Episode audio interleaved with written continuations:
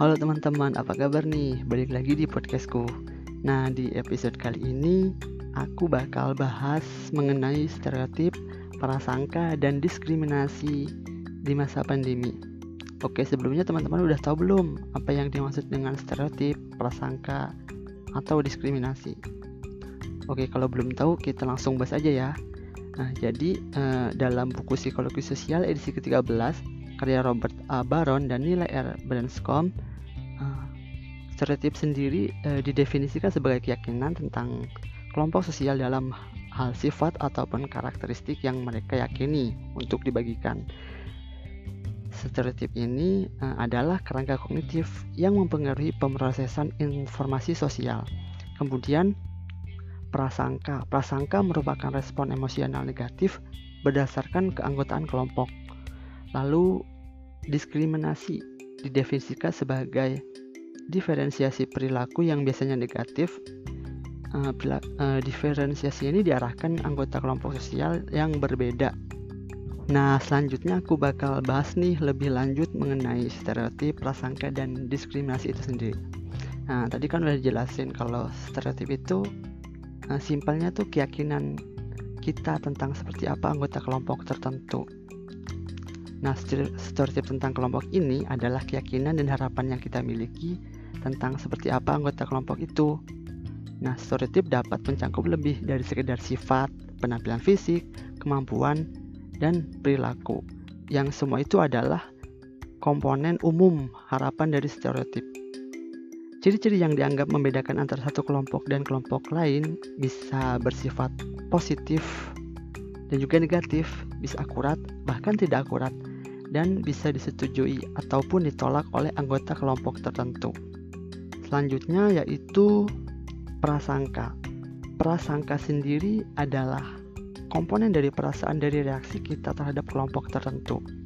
Prasangka secara tra tradisional dianggap sebagai komponen perasaan diri sikap terhadap kelompok sosial. Ini mencerminkan tanggapan negatif terhadap orang lain hanya berdasarkan keanggotaan orang lain itu dalam kelompok tertentu yang oleh Golden Alport dalam bukunya tahun 1954 yang berjudul The Nature of Prejudice disebut dengan antipati yang dijeneralisasikan ke kelompok secara keseluruhan. Dengan pengertian itu, prasangka bukanlah pribadi, itu adalah reaksi afektif terhadap kategori tersebut. Dengan kata lain, seseorang yang berprasangka terhadap beberapa kelompok sosial cenderung mengevaluasi anggotanya secara negatif karena mereka termasuk dalam kelompok itu. Sebagai suatu sikap, prasangka adalah perasaan negatif yang dialami oleh orang yang berprasangka ketika mereka berada di hadapan atau hanya memikirkan anggota kelompok yang tidak mereka sukai. Nah, prasangka ini eh, dapat dianggap sebagai sifat yang biasanya negatif terhadap anggota kelompok sosial. Ini dapat dipicu dengan cara yang tampaknya otomatis dan dapat bersifat implisit Prasangka mungkin mencerminkan respon emosional mendasar yang lebih spesifik terhadap kelompok luar yang berbeda, termasuk rasa takut, marah, bersalah, kasihan, iri, dan juga jijik.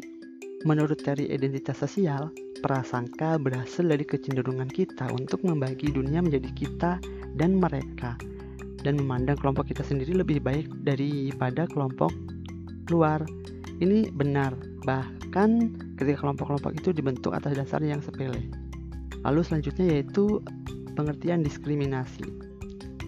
Diskriminasi adalah perilaku berbeda yang diarahkan pada anggota kelompok tertentu. Diskriminasi ini mengacu pada perlakuan yang tidak menyenangkan dan tindakan negatif yang ditujukan kepada anggota kelompok yang tidak disukai. Nah, apakah diskriminasi ini akan diekspresikan atau tidak? Ini tergantung pada norma yang dirasakan atau penerimaan untuk melakukannya. Lalu, Bagaimana bentuk stereotip, prasangka, dan diskriminasi di masa pandemi COVID-19?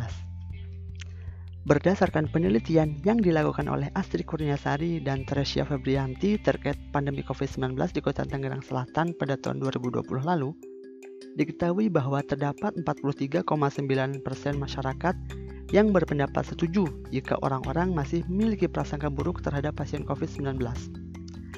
Prasangka tersebut berasal dari stereotip yang menyebabkan seorang individu merasa takut akan tertular oleh pasien yang terinfeksi COVID-19, Selain itu, pada masa pandemi COVID-19 ini dapat memunculkan stigma sosial terhadap penderita COVID itu sendiri.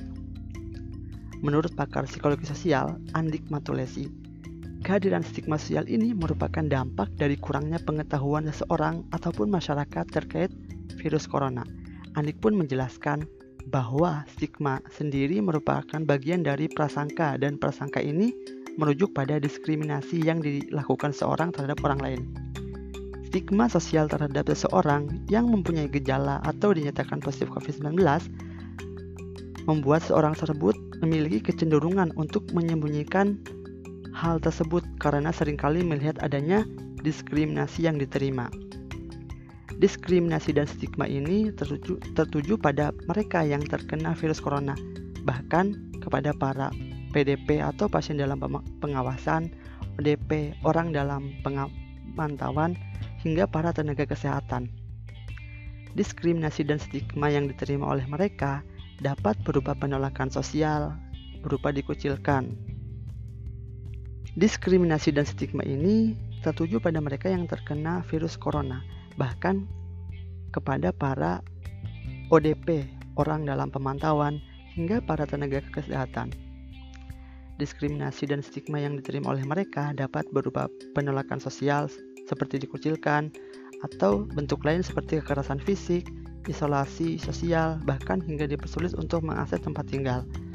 Beberapa contoh nyata dari diskriminasi selama pandemi COVID-19 dapat kita lihat seperti contoh tenaga kesehatan yang ditolak oleh tetangganya, perawat yang diusir dari tempat tinggalnya, bahkan hingga penolakan pemakaman terhadap jenazah para korban COVID-19. Bentuk diskriminasi lainnya yaitu terjadi pada ranah pendidikan. Berdasarkan penelitian yang dilakukan oleh Mulyani Mudis Taruna dan Abdul Rahman, diketahui bahwa pembelajaran daring di masa pandemi COVID-19 ini justru menimbulkan diskriminasi pendidikan. Pembelajaran jarak jauh yang dilakukan secara daring ternyata menimbulkan diskriminasi pendidikan. Diskriminasi ini dapat dilihat dari perbedaan sarana dan prasarana yang dimiliki antara sekolah di perkotaan dan sekolah di pedesaan. Berbeda dengan sekolah di perkotaan yang dapat mendesain pembelajaran daring dengan baik karena adanya kemudahan akses internet yang fasilitasnya memandai dan juga siswanya yang memiliki smartphone. Di desa justru para siswa mengalami kesulitan akses internet dan tidak semua siswanya memiliki smartphone. Selain itu, Arif Widodo dalam Jurnal Pendidikan Sosial Keberagaman volume 7 nomor 2 menyatakan bahwa pandemi COVID-19 memunculkan bentuk-bentuk diskriminasi baru di antaranya seperti diskriminasi sosial, diskriminasi dalam hal peribadahan, dan diskriminasi dalam hal kebijakan. Diskriminasi sosial ditandai dengan adanya sikap saling curiga terhadap seseorang yang dirasa memiliki gejala COVID-19, lalu adanya pengucilan terhadap orang-orang yang sakit, pengucilan terhadap para perantau, hingga adanya antipati terhadap orang asing. Kemudian, diskriminasi dalam hal peribadahan ditandai dengan adanya sikap membatasi tempat peribadahan bagi masyarakat di luar komunitas. Selanjutnya yaitu diskriminasi kebijakan yang ditandai dengan adanya perlakuan atau peraturan yang berbeda terhadap bidang-bidang yang berpotensi menjadi penyebaran COVID-19.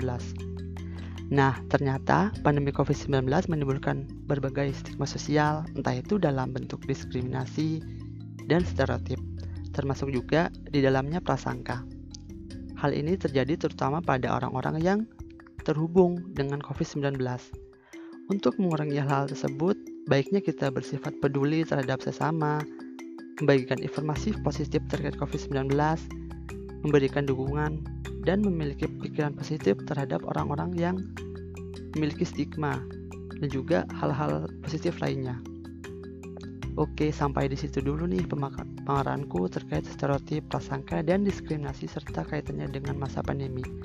Aku Zuri Maulana, sampai jumpa di podcast selanjutnya.